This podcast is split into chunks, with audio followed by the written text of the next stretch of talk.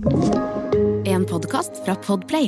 Nå er jeg helt sikker på at det virker. Nå har jeg testa, så nå veit jeg at eh, ting, eh, Vet du hva, dette ting kan vi går bare som det Vet du hva, vi, vi, vi, får jo adressere det, for at dette blir den første sendinga vår etter at vi hadde vår første skikkelige rudd. Ja, eh, 12.02-en. Så vi, vi setter på vignetten, og så får vi bare ta det. Jeg elska jo hvordan dere løste det med 1202 og Rudd. Ja, akkurat det bra? Klasse. Ja, ja, ja. Klasse. ja, men altså, vi har jo lagt opp til dette. Vi har hatt, vi har hatt så mye 12.02 på livesendingene våre at vi nesten har gitt opp. Så det er OK, da prøver vi. Three, two, one.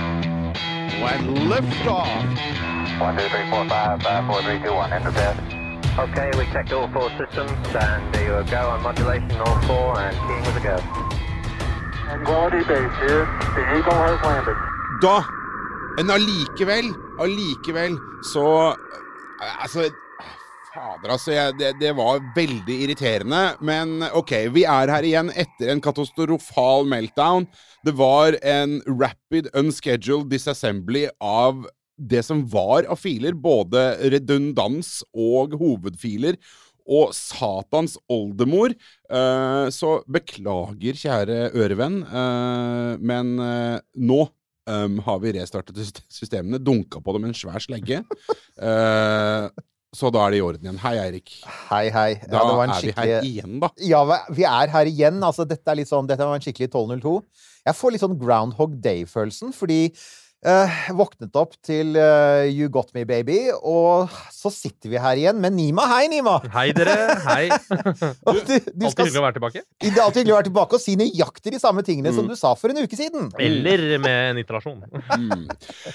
Ja, det, ikke sant? Det kan jo hende. Tenk hvis det har skjedd ting underveis, og kan komme på bedre tanker, og plutselig ja, ikke, Det, ok. det jeg er reddest for, helt ærlig, det jeg er Mm. reddest for, er at etter at Nima var her og ranta så, så det sang, og det var helt nydelig å høre på forrige gang, og så har han gått hjem, og så, har han, og så hørte han at den var sletta, og så er det sånn Hm, kanskje jeg skal dempe meg litt i neste runde. Hva tenker du, Nima? Jeg har ikke tenkt å dempe meg i det hele tatt. Å, fordi at mine ranter kommer av kjærlighet og ikke fiendtlighet. Det er sant. Eh, Og Det er helt derfor så sant. tenker jeg at det er legitime ranter. Det, Jeg det, var, det, det var mye Jeg husker det. Det var Mm. kjærlighet sist år. Ja, for hvis, det er, hvis det er noen som ja, i, i etterkant føler behov for å på en måte undersøke hvorvidt det er en eller annen form for uh, moderering eller noen sånne ting uh, som har skjedd uh, underveis, så får dere bare si fra, så skal jeg sende dere den korrumperte fila.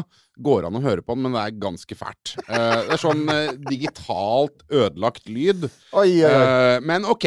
Det vi skal snakke om, er jo den store katastrofen som nå har vedefares våre nas vår nasjon. -huh. Eh, og det er jo ikke sånn Jeg er ikke, jeg er ikke super overraska.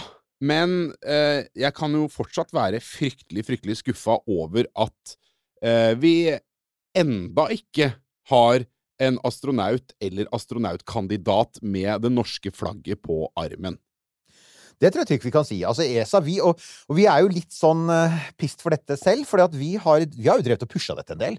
Mm. Altså Våren i fjor så vi, hadde vi flere sendinger på det, og vi kom stadig vekk tilbake og minnet folk husk nå på å søke, da! Eh, det var 23 000 søkere fra hele ESA-området, og det var 320 nordmenn. Til slutt valgte de ut 17, og det var ingen nordmann med, Nima. Hva tenker du om det? Nei, altså, først av alt, så Vi har jo en astronautkandidat. Ja, det er Vi meg. har jo da Så- Jo, Ja! men det var det, var det Jeg beklager at jeg sa det, men det, men det jeg da kan si at eh, Fader, altså. I Arbeiderpartilandet Norge så, så må det være opp til det private Ja. å stå for det greiene. Helt riktig. Sånn, gi meg vær så god. Og, Ja. og bare sånn, by the way, du er fremdeles bare, vi tar det med en gang, du er fremdeles i full gang med prosessen, Og ikke jeg er uh, veldig aktiv. Så ja. du jobber mot å komme deg opp i rommet via private aktører? Absolutt. Ok. Ja. Så jeg da- er da i et commercial-program. så så den, den er jo good. Men, men jeg er jo helt enig i at jeg syns det var helt forferdelig den dagen duken gikk opp. Og jeg prøvde å se på denne pressekonferansen, så ikke én norsk person Mm. stående der. Og jeg hadde håpet, og oppriktig trodd, at det skal være minimum én nordmann. Så om den norske personen eh, skulle være i hovedcrewet, eller, eh, eller det man kaller karriereastronaut-crewet, på fem personer, Mm. eller i reservelaget, det spilte ikke noen rolle for meg, men det å få en ESA-kandidat inn var ekstremt viktig. Og det fikk vi ikke. Eh, Jeg er sjokkert over det. Jeg, Jeg hører noen argumenter si at ja, men vi er en liten nasjon. Ja, men vi har da hatt små nasjoner som har hatt astronauter før oss. Mange ganger. Eh, ja, i august 2023. Altså, da skal uh, vår gjest uh, Andreas Mohensen, Han skal opp for andre gang, han. For annen gang. Og så, så både Danmark og Sverige har fått. Uh, og så vi Sverige har fått sin andre nå. Sverige har fått sin andre, der ser du. Så, så dette her er jo jeg, Med tanke på størrelsen på landet, med tanke på Og ikke minst også at Norge har nå tross alt en ganske stor rombransje som leverer masse inn til Europa. Det har vi jo snakket om også mye her i kanalen. Og det faktum at Stortinget tross alt da, nettopp reddet det norske rombudsjettet. Jeg veit at ikke det påvirker astronaututtaket, men det blir sånn ekstra surt! Jo, sånn men, der. men, ja, Ja. Og, men altså, der ligger det noe der, da, tenker jeg. Fordi når det er en sånn Uansett om Ok, uansett om regjeringen mente det kuttet eller ikke Altså, det kan jo ha vært en sånn taktisk greie for at de skulle ha noe å gi i en eller annen forhandling. Sånn, så tar man, tar man vekk noe som man egentlig har tenkt å gi, men for å ha noe å forhandle på, så bare Ja, vi bruker dette.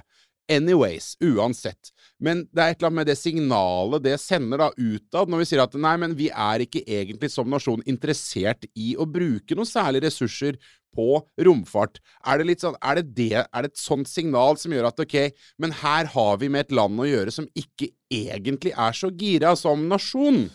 For altså, du, bare for å si det da, plukke opp en ting. Du snakket jo med NRK om dette. Det var jo sånn vi sa. Det var det, sånn liksom så, Oi, vent nå litt. Nima har vært ute og sagt Mhm. ting Ja, på Han har meninger om det her. Ja, ja, ja. Og der sa du, altså, som Nils Johan sa, der sa du sånne ting som at, at det at nordmann ikke fikk plass i år, det handler trolig mer om politikk enn ferdigheter. Ja, og det mener jeg. Ja, så, Ja. ja nemlig. Hva, hva- hva legger du i det? Nei, altså det Jeg legger i det er Jeg vet med, med sikkerhet at veldig mange av de andre nasjonene som har fått astronautkandidater inn i ESA-systemet denne runden Veldig viktig å minne alle på at forrige seleksjon ESA hadde, var i 2008-2009. Mm. Så det begynner å bli en del år siden. Og det er lenger til neste tog går. Ikke sant? Det er kjempelenge til. Man estimerer noe sånt som ti år. Det er det en estimerer nå, da. Mm.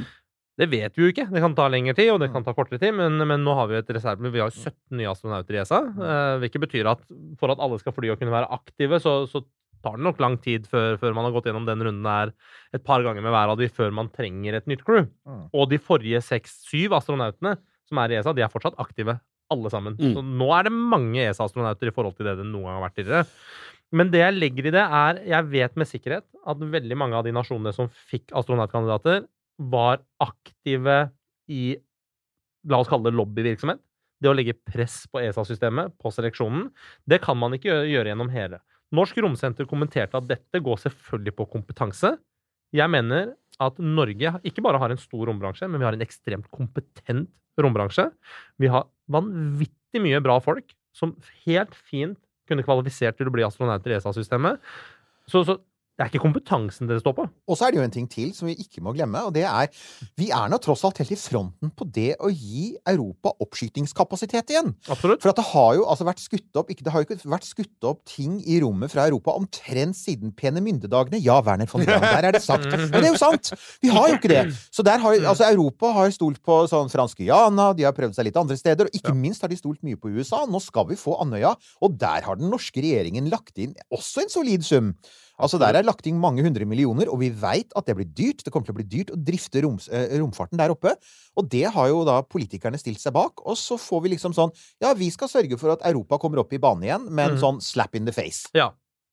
Og, og, men tenker vi da, har dette da å gjøre med altså, at eh, altså, har ikke vi vært Som du sier, vi har ikke vært flinke nok, vi har ikke vært på hugget nok, da er det det du sier? Ja, jeg, det, jeg sier det, altså. Og det er flere, jeg tror det er flere ledd her som har svikta litt. For det første så mener jeg at Norsk Romsenter helt klart burde vært betydelig mye mer, mer på banen og fått flere enn 319 søknader som vi fikk inn fra Norge. Mm. Vi har langt flere enn 319 potensielle astronautkandidater i Norge. Det er jeg helt sikker på. Uten at jeg har noen konkrete tall på det, men man kjenner jo rombransjen og, eh, og, og ser bevegelsen i forskningsmiljøene etc., etc., og vet at Norge består av haugevis av Men- sunne, gode mennesker. Men nå påpeker de, da, nå vi jeg få minne om nå er jo, dette er jo ikke et redaktørstyrt organ, så vi, vi lover ingen til, tilsvarsrett her.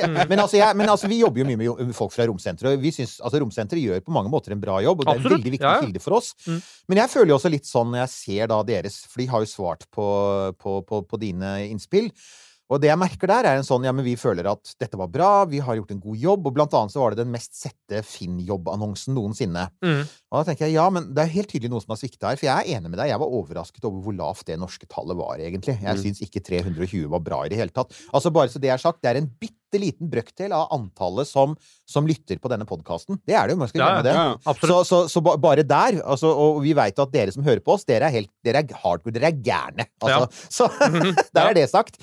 men, Så mange av lytterne er mest sannsynlig også potensielle kandidater. ja, jeg har tenkt det. Jeg ja. at altså f- f- Så ah, har de Altså, hva kunne man ha gjort? Altså, det må jo Ja, altså, jeg, jeg mener at en Finn-annonse er en kjempegøy kampanje. Det er klart at når man har bilde av en astronauthjelm og en jobbannonse som sier eh, 'vi søker astronauter', så er jo det, det blir jo en, en sett annonse, ikke sant? Men Ja. det du også treffer, er veldig mange nysgjerrige mennesker som får det opp på, på algoritmefeeden sin på Finn-appen, som, som automatisk bare hopper i. Altså, det, gir, det, det er ikke nok. Det her, rombransjen og romindustrien i Norge og rominteressen må kommuniseres på en helt annen måte, og man må begynne tidlig, med det. Ja, er det, er, det, er det da Kan man nesten si at en kollektiv eh, norsk rombransje har svikta i uh, sin, uh, sitt arbeid med å kommunisere um, romfart, og, og da faktisk den, den virkelig spisse enden av romfart som en reell mulighet til eventuelle norske kandidater. Nå skal det jo sies at i eh, kriteriene her så var det også sånn doktorgrad og sånne ting, så,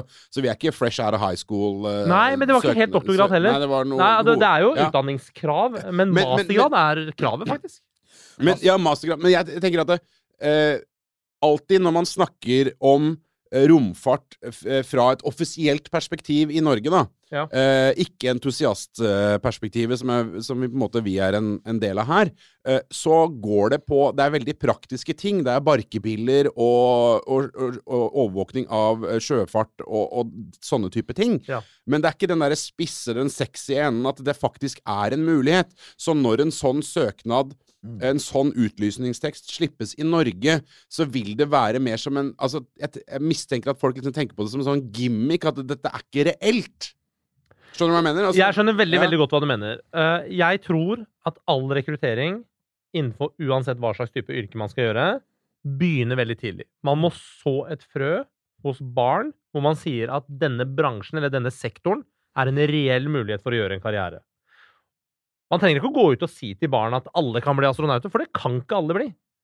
Men det vi Mm. bør si, er at rombransjen er en kjempespennende bransje å gå inn i. Og der trenger vi alt fra ingeniører på bakken, og vi trenger forskere, og vi trenger eh, you name it. Altså hele spekteret av Altså- støtteapparatet som gjør dette her. Og astronauter er en del av det. Det er jo i det hele tatt en sånn generell rekruttering til ingeniør- og forskningsfagene. Absolutt. Jeg har for eksempel, altså en, eh, en god venn av meg han ble jo professor i kjemi pga. sin interesse for romfart. ikke sant? Mhm. Han var jo smart, han skjønte jo at astronomi og romfart var et innmari at Det var ikke spesielt smart å gå inn i som sånn forskning, men da var han allerede, allerede tent. Ja. Altså han, Da var hans interesse vekket, og det er jo det alle er. Og dette er man jo veldig klar over i USA. Amerikanerne er jo fremdeles de fremste på det. Jeg syns jo det er veldig talende. Vi sitter jo her fremdeles, mm. og altså, fordi at den har vart såpass lenge, så vi har faktisk Forrige gang så satt, vi satt her, så var Artemis oppe, og den er fremdeles oppe. Den er på Ja. vei mot jorda nå. Hva er det NASA pusher når de fronter Artemis? De pusher disse fantastiske bildene som er tatt med GoPro, ikke sant? som sitter på solcellevingene. Det gjør de.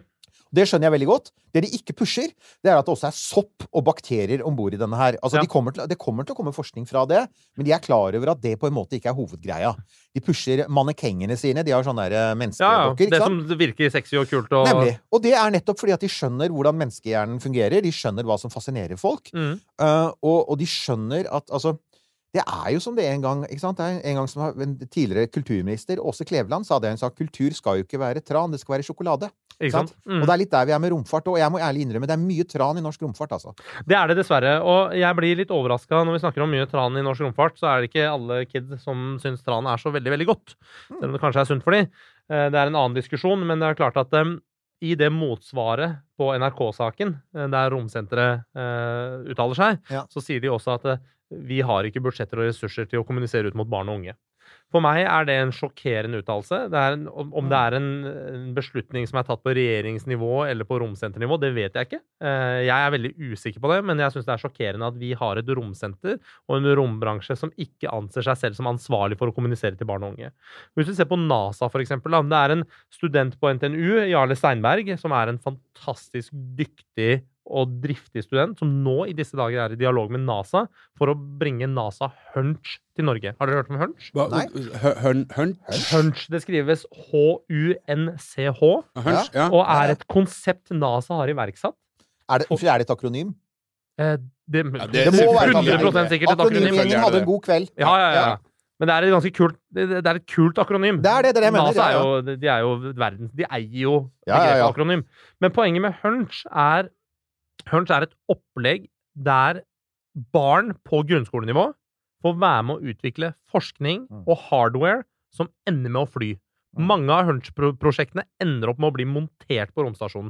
Det kan være en verktøyvegg, for eksempel, eller montasje til et eller annet på romdrakter, vet jeg at de har gjort. Så på den måten så engasjerer de barn og unge. Jarle jobber veldig aktivt med å få Hunch til Norge. Jeg, jeg er i dialog med Jarle om å, om å bistå så mye jeg kan. Jeg vet at det, det er en dialog med Andøya om dette her, osv. Men denne type initiativer skal ikke Jarle som student på NTNU Space trenge å gjøre. Dette er noe som Romsenteret og norsk eh, overordna rombransje bør ta ansvar for, mener jeg. 1202. Her må jeg jo da bare gi mitt besyv med å si at dette kjenner jeg jo litt igjen. For da vi begynte å formidle astronomi og og romfart i Norge, sånn post Erik Tandberg Altså Tandberg gjorde jo dette på 50-, 60- og 70-tallet. Og så startet jo en ny bølge på, på, på 90-tallet, eh, som, som jeg var en del av, og også Knut Jørgen Ødegaard var en del av, og, og etter hvert også Pål Brekke. Altså han er jo, og, og eh, Pål og jeg er jo fremdeles aktive. Um, det var helt på eget initiativ. Jeg jo, På det tidspunktet var jeg på Universitetet i Oslo. Jeg forsøkte jo å få til å si at formidling er en viktig del av universitetets virksomhet. Mm. Rekruttere nye folk, skape interesse for fagene på universitetet. Ikke minst astronomi igjen, fordi det var så lett å selge inn. Ja. Og herregud, så tungt det var, altså. Det har alltid vært fryktelig treigt. Det har alltid vært veldig mye oppoverbakke. Så jeg, jeg, ga, jeg trakk meg ut av hele den greia, og jeg begynte for meg sjæl, og oppdaget jo at det var lettere å nå fram utenfor systemene enn det var å nå fram innenfor systemene. Og det syns jeg er fryktelig trist. Jeg Jeg, jeg, altså jeg, jeg, har aldri, jeg har egentlig aldri likt det der at så å si hele min formidlingsvirksomhet fram til i dag Vi sitter i et studio, vi sitter og formidler romfart, er helt på våre initiativ. Altså Det er Nils Johan og jeg som startet denne podkasten. Mm. Det, det er ikke noen som står bak oss. Vi har aldri fått fem øre fra noen bedrift eller universitet eller Forskningsrådet eller for den saks skyld Norsk Romsenter. For at, altså, bevisstheten om at formidling er viktig, eksisterer ikke på noe sted. Så du har helt rett. Jeg bare backer deg opp her og sier at Ja, ja. det gjelder, det, din erfaring er dessverre min, og den er gammel, og den gjelder overalt. Mm. Men kan jeg da bare få lov til å, å skyte inn en greie? For det jeg syns Som en som på en måte kommer fra journalistikk og jobba lefra noen år i denne PR-bransjen Jeg syns det er så fascinerende at de ikke skjønner det. Altså, hva er hvor Dette her med å Altså, man kan sitte og, og skrike, og for noen år siden Nå har ikke jeg fulgt norsk utdanningspolitikk eh, så fryktelig nøye, men for noen år siden så husker jeg det at det var eh, voldsomt skrik Å, herregud, vi trenger masse uh, ingeniører, og, og realfagene sliter. Vi må få folk inn, inn på realfagstudiene. Uh, STEM-fagene, som det heter. Science Technology osv., som det heter på, på Ja. engelsk, som NASA opererer med. Men det å gjøre det kult, heldigvis, da Etter hvert så ser vi jo kanskje nå at den der stereotypiske, klassiske nerden har blitt litt kul igjen. At det er kult å være god på sånne ting. Det har blitt en greie. Men det er jo ikke fordi at måte Altså, de offisielle organisasjonene virker det som har vært så innmari gode på å gjøre det sexy. Nei, men, men der sier du noe som er veldig veldig interessant. For du sier at det har blitt litt kult å være litt nerd igjen. Og det er jeg helt enig i. Det ser man tydelig. Kids i dag liker å være nerder. Det er kult å kunne ting. Men det betyr også at vi har en helt unik mulighet akkurat nå. Å hive oss på den trenden og pushe det som egentlig er ganske, ganske kult. Som kan fremstå som noe som er nedstøva gammeldags. Som deler av rombransjen dessverre kan fremstå som. Når det egentlig overhodet ikke er det. Og så får jeg jo helt vondt, fordi at jeg har jo fulgt Mr. Newt i årevis. Og i mi- Alt for mange Alt mange år. Og etter mine begreper så er jo du vår tids Tandberg.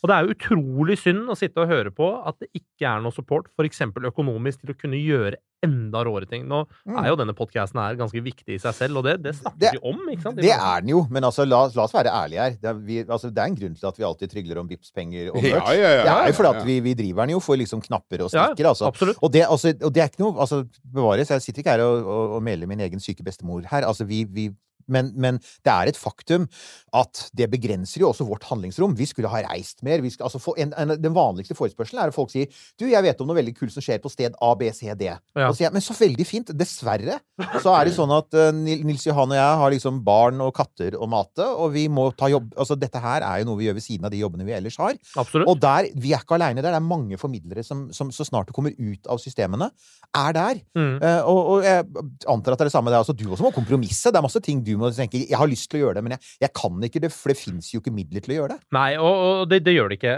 Nå er det noen formidlere som Altså, de beste space-formidlerne jeg vet om, eh, gjør jo det her på eget initiativ. Mm. De gjør det med egen tid og egne midler og egne investeringer. Dere er noen av de.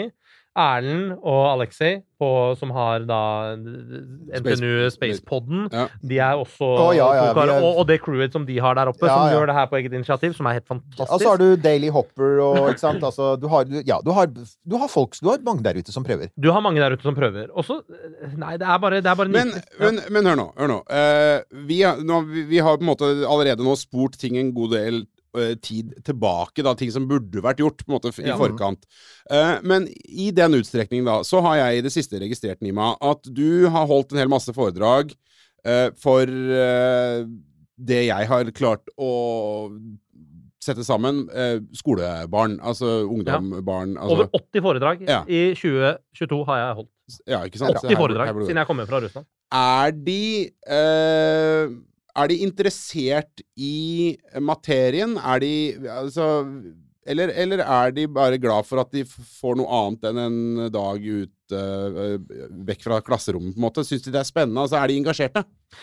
Jeg skal svare deg helt ærlig, og da skal jeg først begynne med å si at jeg overhodet ikke prøver å sette meg opp på min høye hvite hest, for dette er ikke meg. Det her er romfarten som er interessant. Jeg er bare en heldig formidler. Veldig mange kids som jeg møter, har ingen interesse for det. Og veldig mange av de har aldri hørt om det. De har hørt om raketter og Elon Musk og noen detaljer av det, men vet veldig lite. Veldig mye av den responsen jeg får etterpå, er at disse foredragene har åpna øynene deres for de mulighetene som er. Ikke minst så har det åpna øynene deres for at en eh, liten demotivert gutt fra Hakadal Mm. kan vokse opp til å ta en utdanning, gjøre en forsvarskarriere og ende opp med å bli en kommersiell astronautkandidat. Det i seg selv er en historie eh, som de ofte liker å høre om. Så det at det har en effekt, uten noen tvil. Det at det inspirerer, uten noen tvil. Jeg er helt sikker på at det finnes formidlere som er enda bedre enn meg der ute. Og jeg er helt sikker på at hadde vi fått en ESA-kandidat, så ville det vært en formidling i seg selv. Ikke som ville vært ekstremt viktig. Og det bringer meg litt tilbake til ESA-seleksjonen og hvorfor jeg er litt irritert på norsk rombransje, som vi var litt inne på i stad. Mm. For for å forstå dette her, så må vi forstå hvordan seleksjonen fungerer. Seleksjonen består av seks deler. Det er hard skills og soft skills, som handler om hva slags utdanning du har, hva slags kompetanse du har, men også hva slags person du er, og, og medisinsk og disse personlige egenskapene. Men dette, det, det kan man ikke vike fra. Opptak er opptak. Du må bestå de fysiske, medisinske, kognitive testene etc., etc. Jeg mener ikke at Norsk Romsenter burde vært der fra dag én og lobbya. Det Norsk Romsenter burde gjort, er å kommunisere dette her beinhardt, sånn at vi hadde tre-firegangeren mengden søkere, først og fremst. Og så burde de gått stille, men steppa inn i sjette fase. Sjette fase er intervju med direktøren.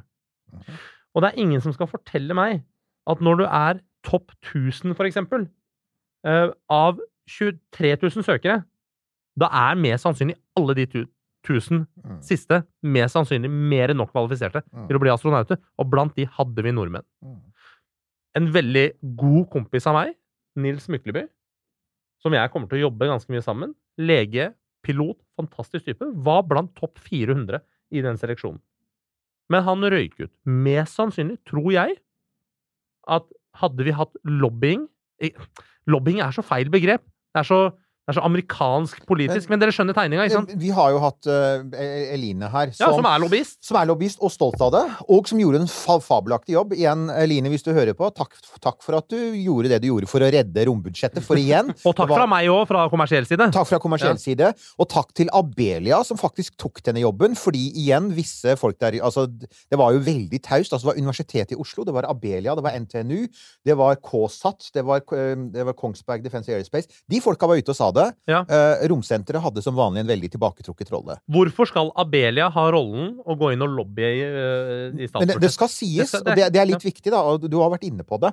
Det er klart, Dette handler igjen Det er masse flotte folk på Romsenteret, og vi håper dere fremdeles har lyst til å komme og besøke oss etter denne Ja. sendingen. Og jeg håper de fortsetter å snakke med meg òg. Det her er ikke personlig Det er ikke personlig i det hele tatt, men vi veit at det har med rollefordeling å gjøre. Vi veit at, at Romsenteret i stor grad er satt der for å betjene en rombransje som i veldig stor grad er gira inn mot norsk rombransje, er gira inn mot å lage stag og rakettmotorer og, og brennstofftanker til store europeiske og amerikanske prosjekter. Og i den prosessen så handler det ofte om å gå litt stille i dørene, inngå de gode avtalene, få de store kontraktene som for eksempel gir gode norske arbeidsplasser rundt omkring. Um, men det gjør også at det blir veldig, som du sier, det blir veldig sånn derre Retta inn mot et ganske lukket og ekstremt ingeniørtungt miljø. Ja. Med lite sexfaktor. Det er lite ved det Altså, ja, jeg vet at altså For eksempel så er det vel sånn at Uh, uh, Jeg tror det er, det er Kongsberg som skal lage motorene som skal vri solcellevingene Stemmer. på Artemis etter hvert, eller på Orion etter Ja. hvert. Det er veldig fint! Mm. Men, men, men jeg har i likhet med deg holdt masse foredrag på skoler. Jeg pleide å reise rundt for Den kulturelle skolesekken, Ja. snakket om astronomi og romfart.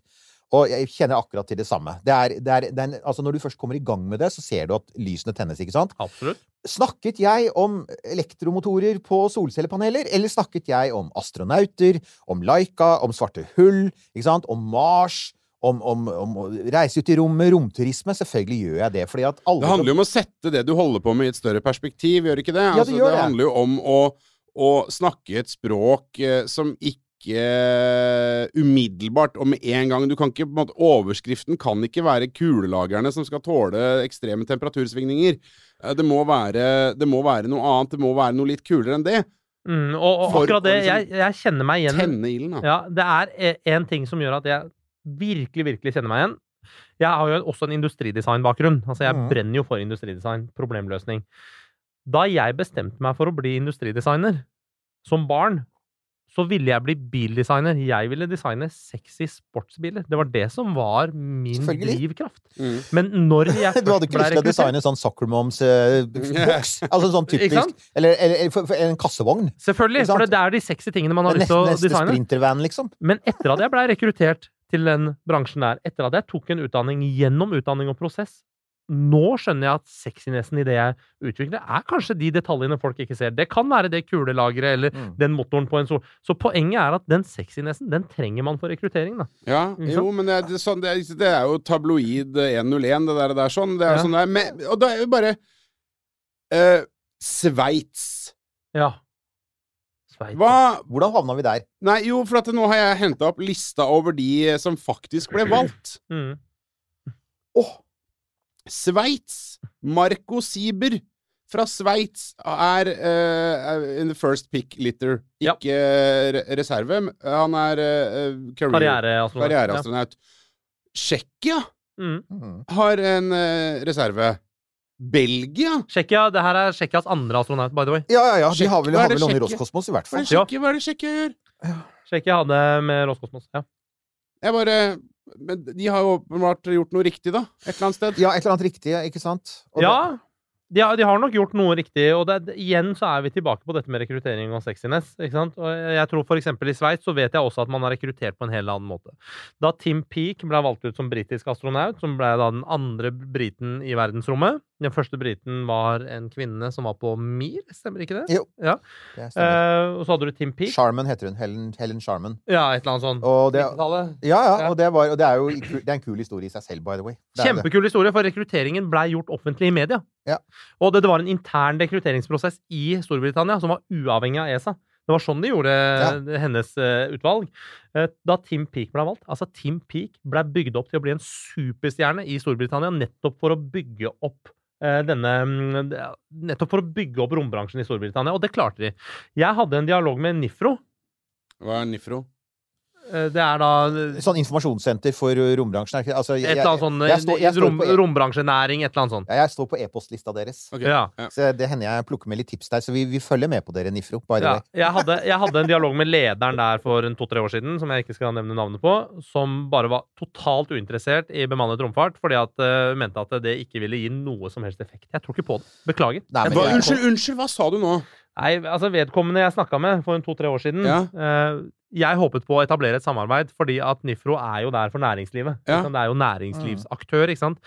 Eh, og mitt prosjekt, i og med at det er et kommersielt eh, Commercial Crew-prosjekt, så er det et prosjekt som er en del av det nye eh, kommersielle næringslivet man har i Norge. i Og vedkommende leder mente at det mente at mente at tallene man så etter Christer Fuglesang i Sverige, ikke hadde gitt den effekten en ønsket, og det stemmer jo overhodet ikke. Svenske myndigheter mener noe helt annet, eh, og mente at bemannet romfart hadde betydelig mye mindre effekt enn det man skulle tro og håpet. Og det er jeg ikke helt enig i. Altså, Kina og India ringere vil ha en prat med denne personen. Ja. For Eh. at de bruker ekstremt mye ressurser på å bemanne romfart som de egentlig ikke te hadde trengt å gjøre. Overhodet ikke. Kunne ha trengt, alt Kina gjør, kunne de gjort med roboter. Helt riktig. Sorry, Nilsson. Ja. Ja, nei, men altså, jøye meg at det, det går jo ikke an å mene det. Nei, men, det, det, det men tenk hva, tenk hva det Altså, en norsk astronaut, tenk hva det ville gjort for eh, den, altså, interessen for hele feltet, for alt mm. de holder på med. Ja, ja. Altså alle de kulelagerne og, og motorene som skal snurre solcellepaneler, og raketter som skal uh,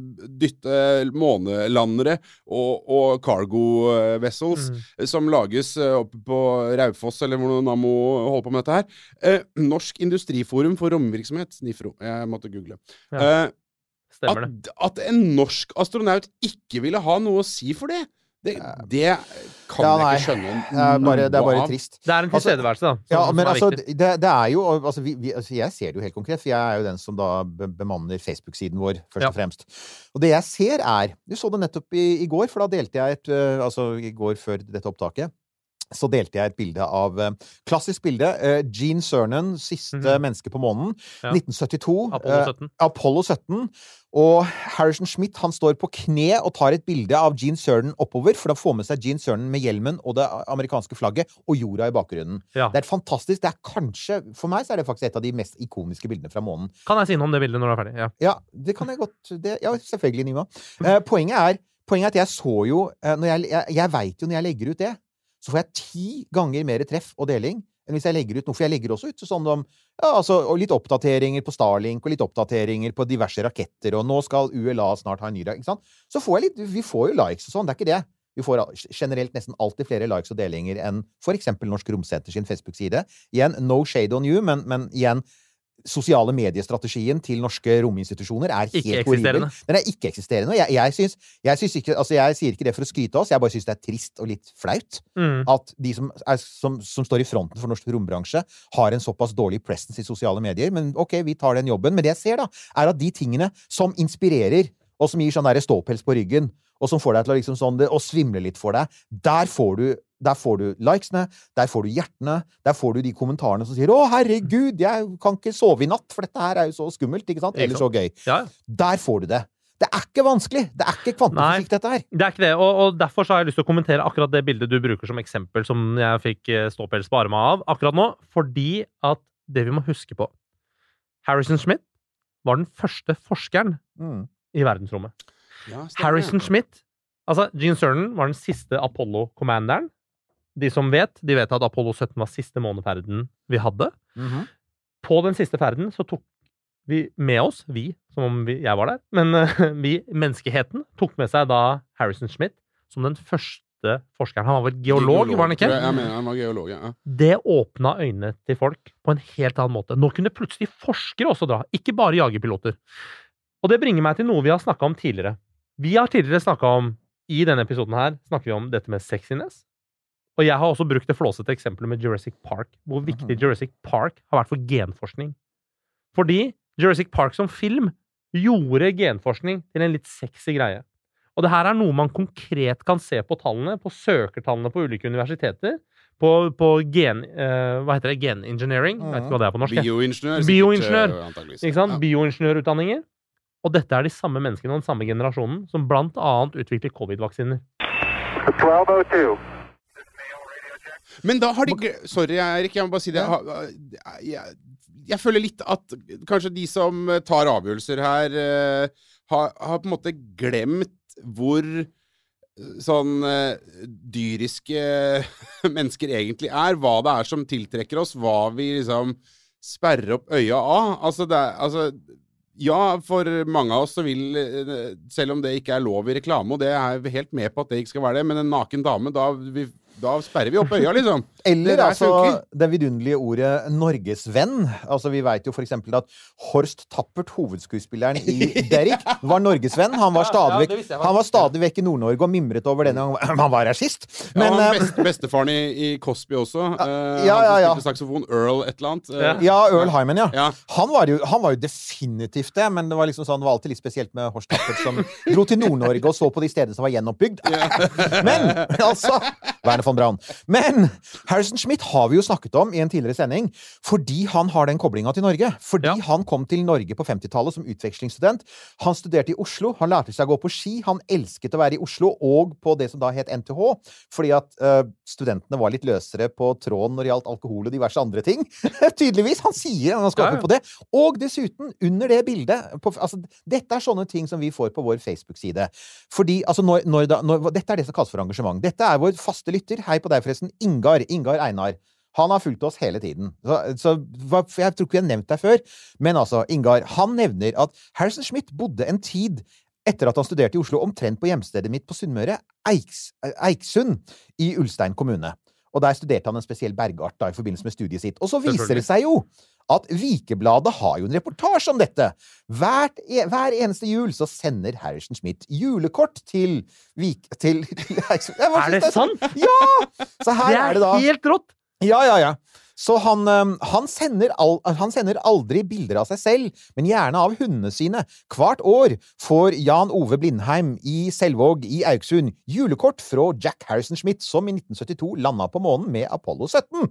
Der var det for øvrig en liten nynorskkvote som har vært etterlyst. Det kommer sikkert mer. Så jeg bare syns det er så nydelig. Det er en fantastisk fin historie.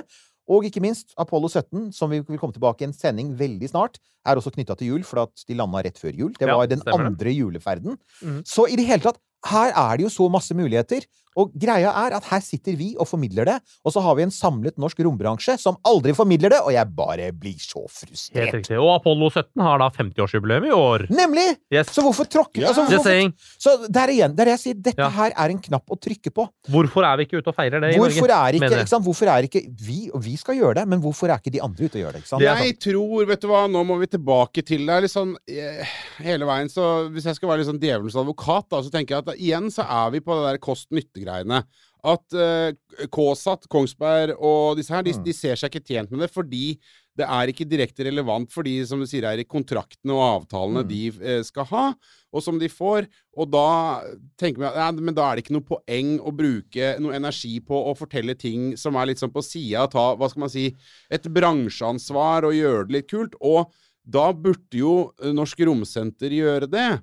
Eh, Men Ja, også, jeg mener at det- ja, Hvorfor ja. gjør ikke de det? Ja, altså, men du vet Alle bør gjøre det. Ja, her, Alle bør men, gjøre det. men nå kommer vi til et litt viktig poeng sånn, Mm. etter hvert som eh, vi sånn kan eh, rulle inn mot en eller annen sånn slags avslutning her. Og det er, det hender jo vi får litt sånn, sånn litt kommentarer på at det kan fort bli litt negativt. Og nå, nå har vi, nå har vi ranta litt. Men la oss se framover, da. Jeg har vært i Mm. denne bransjen nå i 30 år. Og har stort sett sett det samme. Det har vært manglende interesse, og, og når det har vært satsinger, så har de dødd. Jf. det at NRK pleide, husker dere, det var noe som het Schrødingers katt. Ja, det var noe som het Newton, ikke sant? Mm. Det var faktisk også i sin tid et, et, et altså, daglig vitenskapsinnslag på P1. Og det er stort sett nedlagt nå. Så det har Mm. på en del områder har det gått feil vei. Mainstream-media har, har, har trukket seg vekk fra det. Ja. Og jeg merker det veldig godt. Det gjør kanskje du også, men jeg merker det veldig godt, for jeg har litt tidsperspektiv på det. Magnus! Var det ikke et program? Jo, det var det også. Det har vært masse. Ja, det husker ikke jeg. Og alt dette, alt dette er jo borte. Alt dette er Ja. så, så stort sett borte nå, og det er veldig sporadisk. Og, hver, og det merkes veldig godt at, at fagkompetansen i mainstream-mediene har sunket. Jeg merker det jo, for jeg får henvendelser. Og jeg merker jo at det er veldig ofte liksom sånn, sånn 22-åringen på vakt som normalt dekker instagrammere som ringer og spør, og det er altså, ja, det er litt Ja, ja, absolutt. Det, er- det er der vi er nå. Men ok, hva skal vi gjøre da? Altså, En ting er at vi må selvfølgelig få deg og andre opp i rommet. Mm. Men vi trenger, som du sier, er det, er det romsenteret, eller trenger vi noe annet? Trenger vi for eksempel, hvis noen av dere tilfeldigvis skulle høre på, er det noe i er det en eller annen bedrift der ute? Altså, De sitter på mye penger. Det er ikke sånn at KDA og Nammo er fattige. I formidling er faktisk Det veit jo vi. Det koster nesten Ja. ingenting. Formidling er noe av det billigste du gjør, bortsett fra hvis du kjøper primetime-reklame på de store TV-kanalene. Mm. Så er det å sende folk rundt og holde foredrag er drittbillig. Det å, å få, få utgitt bøker, få inn artikler, er billig. Altså, hva, hva trenger å gjøres, Nima? Nei, jeg, jeg mener det er, det er flere ting som trenger å gjøres. For det første så må rombransjen jobbe uniont med å, å, skape denne kommunikasjonen og være enige om at den kommunikasjonen vi gjør utad, vil være veldig veldig bra for fremtiden vår. At den og- trengs, ikke sant? At den trengs til de grader. Det er den måten vi rekrutterer på, inn til utdanninger, og, og da bygger den workforcen vi trenger seinere, til en rombransje som er i vekst og under utvikling. Vi må gjøre en sexiness. Samtidig så må vi her i Norge huske på én ting. Og dette er også noe vi har snakka om før. I USA så har vi eksempler som Musk og, og visse Apple- eller Microsoft-gründere Ja. som, som har vært veldig, veldig viktige for amerikansk økonomi. Hvis vi klarer å finne den ene norske Elon Musken Mm. én gang hvert hundrede år, Mm. så vil det ha en enorm betydning for norsk teknologi og innovasjon og posisjonering rundt i verden. Så, så den inspirasjonen som må ut, den kommunikasjonen som må ut, den rekrutteringen som må gjøres, som også kan gjøres ved å få norske ESA-astronauter eh, opp i verdensrommet i fremtiden, den er også en viktig næringslivsinvestering her hjemme. Og da ser man på Apollo-regnskapet. da. Det har vært veldig mye kritikk på hvor mye USA brukte av penger på Apollo-programmet, men det, det, det, man vet jo at det var en return of investment. Man vet jo Jeg tror tallet ligger på noe sånt som 14 dollar tjent per dollar investert. Ja. Det er jo et plussprosjekt uansett, og de tjener fortsatt på det til den dag i dag. Da. Til denne dag så bruker de altså bare oppmerksomhetseffekten. Som sagt, NASA bruker jo bilder fra Apollo 17 i 1972 fremdeles til å generere inntekter for seg selv. For det gjør de jo. Altså, de, det, det inspirerer jo, ikke sant? ja, Men jeg eh, kommer i hvert fall til å gjøre alt jeg kan gjennom mitt prosjekt til å, til å bidra til dette, og da håper jeg at eh, Ja, det norsk romnæring hjelper til med det. Jeg vil jo tro at uh, den dagen du kommer deg opp, så vil jo det ha en enorm effekt. Tror du ikke det, Nima? Jeg håper det. Eh, Jeg kommer i hvert fall til å jobbe veldig tungt mot det. Jeg tror La oss være ærlige, da. Jeg er helt sikker på at det kommer til å ha en enorm effekt. Ikke fordi det er meg, men fordi at et norsk flagg skal ut og fly. Ja. Med en person som Ja. kan komme hjem og fortelle om det. Ja. På det språket som vi snakker hver dag her. Mm. Og det er noe veldig veldig vakkert over det, da. Og så vil jeg da i all beskjedenhet si at vi trenger én ting til, og det er vi trenger en eller annen form for system, en eller annen form for infrastruktur, som ikke bare baserer seg på ildsjeler. Mm. Du er ildsjel, Nima. Alle som har hørt deg, veit det. Alle, vet, alle som har hørt meg, vet jeg er ildsjel. Jeg Absolutt. brenner for dette. Jeg har Mm. alltid brent for det. Jeg har brent for det siden jeg var seks år gammel. ikke sant? Ja, ja. Eh, Foreldrene mine syns fremdeles det er morsomt å fortelle hvor liksom sånn fanatisk opptatt jeg var av Apollo da jeg var barn. ikke sant? Mhm. Og, men, men det vi også ser, er at eh, ildsjeler brenner seg ut. Igjen, altså Ja. Knut Jørgen Ødegaard er ikke lenger der ute. Det er tydelig, Jeg vet ikke hva som har skjedd, men det virker som han har brent seg ut. Det er veldig vanlig for øvrig. Så det er ikke noe spesielt i det. Det skjer. Mm. Folk mister futten, de får motgang, det kan skje mange ting. Ja. Eh, og og det, er, det skjer i et system der det ikke er rom for å ha altså alle de som gjør det dagligdagse. Altså Det vi trenger, er noe som for folk som ikke er ildsjeler, som er opptatt av dette, men som trenger en fast jobb, litt fast inntekt, et kontor å jobbe ut fra, ikke sant? En måte å, å organisere ting på, og, og gjøre, også legge til rette for oss ildsjelene. Fordi far, det ligger alltid en reell fare for at for eksempel fem eller ti år ned i løpet at også du kan bli sliten og si vet du hva, dette, søren heller, og så får du tilbud om en bedre jobb, og så sier du vet du hva, dette orker jeg ikke lenger. Mm. Det er en ting som jeg dessverre har sett skje litt for mange ganger. I ulike, det, er ikke, det, er, altså det er ikke bare vårt felt, men andre typer formidling i Norge. Det har basert seg på ildsjeler, så brenner de seg ut, og så fantes det ikke noe for å erstatte dem. Og så sier folk liksom 'Å, hva skjedde med vedkommende?' Vel, kanskje det som skjedde, Ja, var man, at de, man, får mye hylle, man får mye hyllest og klapp på skuldra. Ja, ikke sant? Og det er veldig sånn eh, skippertakgreie. Men at liksom sånn 'Å ja, nå gjør vi et tak for det'. Og så ja, men hvor, hvor er det faste? Så der, er- der kommer tilbake til dette igjen, at det vi trenger er både Jeg ønsker jo, håper og ønsker at Norsk Romsenter kan bli flinkere til, flinkere til å redefinere sin mission. Ja. Fordi deres mission nå er å serve de store bedriftene og få de svære kontraktene, og sørge for å opprettholde de politiske kontaktene.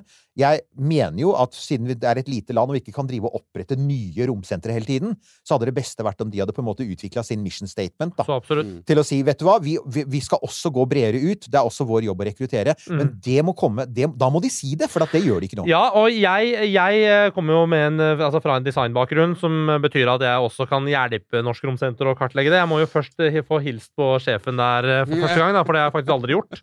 Eh, Hvilket jeg det tror er jeg ikke jeg har heller. Men, det, det, Men, eh, men, men eh, Nima, eh, din drøm om verdensrommet, eh, gikk den aldri gjennom ESA? Min drøm om verdensrommet starta med en ESA-søknad i 2008, og så Ja. kom jeg ikke inn. Nei. Uh, og så hadde jeg da en søknad som, som ble liggende der, Uh, og i den søknaden min så altså, Min kvalifikasjon endra seg jo, for i mellomtiden, fram til 2016, så tok jeg en industridesignutdanning. Så da herværende eh, amerikanske selskaper begynte å se på mulighetene for profesjonelle, kommersielle eh, astronautprogrammer i fremtiden, så blei jeg da plutselig en veldig aktuell kandidat. ikke sant? For da kunne jeg være med og både gjennomgå treningen, for da hadde jeg de fysiske og mentale kvalifikasjonene som skulle til, så vel som å være med og utvikle, altså rett og slett designe neste generasjonsprogram. Og det er noe jeg jobber veldig, veldig mye med i dag. Så er jo det veldig mye av jobben. Det er jo nettopp å åpne space for flest mulig. Det er det som er min mission statement. Da. Mm. Og de selskapene jeg jobber med.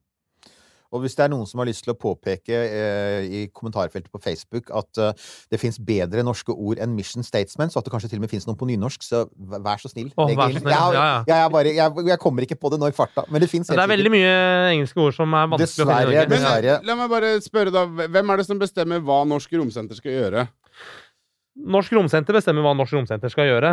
Det er jo de som setter i hvert fall noe av mandatet, har jeg skjønt. Stemmer Ja, ikke det? pluss, pluss Det at, vet jo ja, men pluss at altså, det var jo som en uh, herværende svensk politiker, Olof Palme, statsminister på 80-tallet, sa, polit politikk er å ville. Mm. Romfart er politikk, det veit vi jo. Romfart er politikk Stort, hele veien. ja. Vi snakker om, du har snakket om det, det er et politisk spill som Norge dette til Altså, du sa vel også til NRK at Norge ble spilt utover sidelinjen? Altså, vi, Ja. Og det er et ganske sånn høyt politisk spill som det tydeligvis, de er tydeligvis er flinkere til nede på kontinentet. mm. I Sveits tilfelle hjelper det sikkert at de har tatt imot så utrolig mange milliardærer fra resten av Europa. Så det, er, det er en sånn der gjeld å betale tilbake. Jeg, påstår ingenting, jeg bare legger det der ute. Men, men, men det er et politisk spill. Romfart er politikk.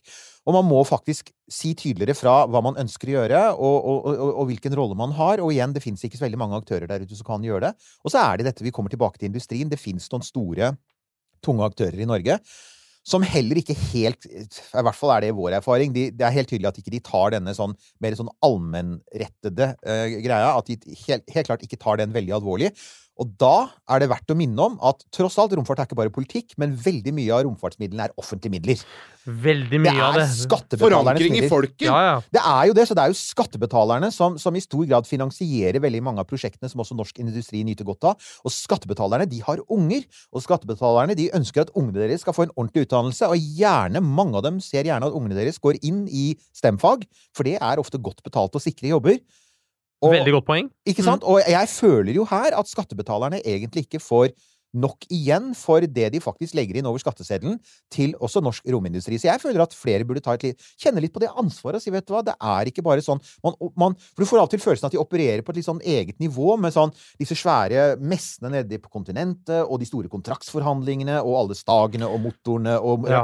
Og det er helt fint, men bare minner om at til sjuende og sist så er det altså dere som hører på, og det er oss over skatteseddelen som betaler for veldig mye av dette gildet. Mm. Og hvor mye føler vi at vi får igjen?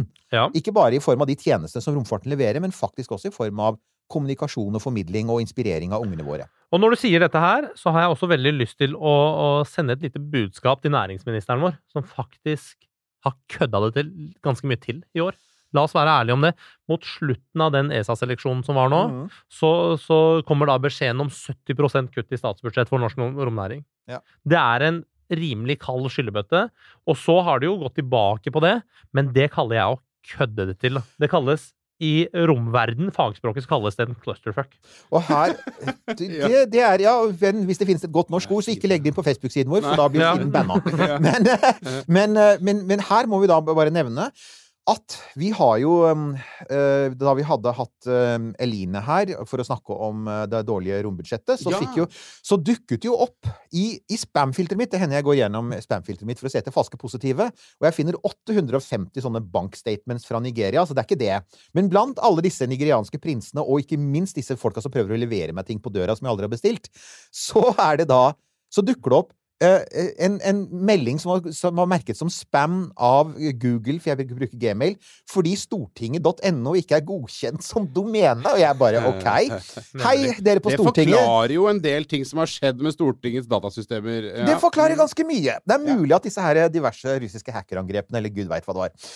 Um, men uansett, da. Det var fra Arbeiderpartiets stor stortingsgruppa, en som jobber der, og han ville bare si at han uh, han sier at vi i Arbeiderpartiets stortingsgruppe hører på dere. Hei på dere, forresten. Det er veldig Ja. hyggelig.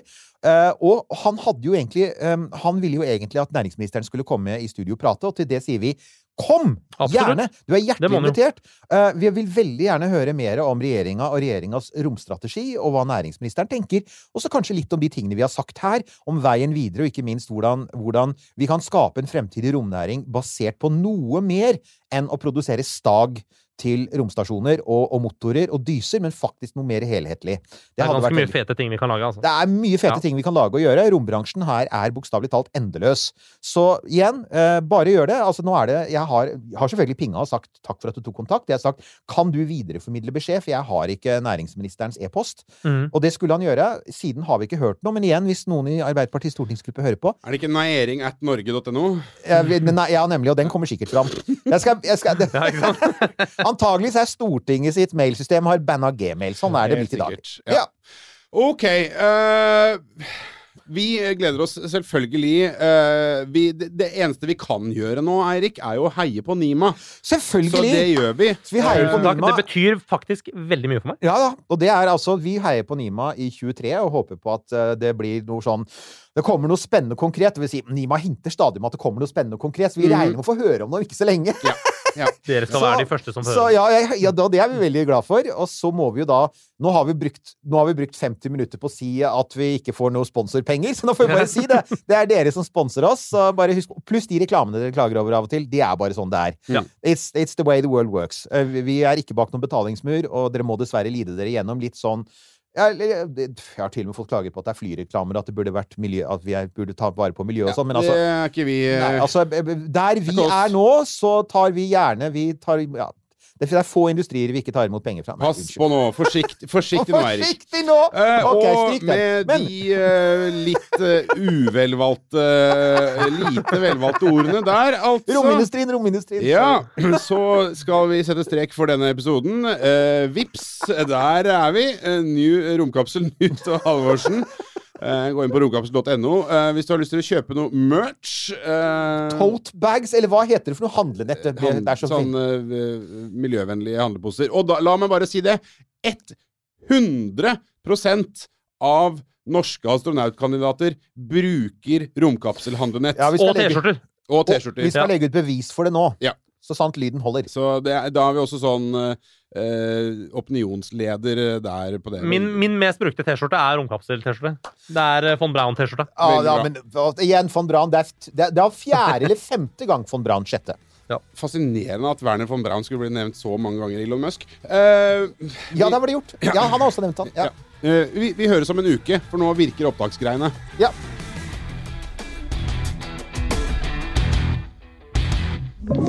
Du har hørt en podcast fra Podplay. En enklere måte å høre podcast på.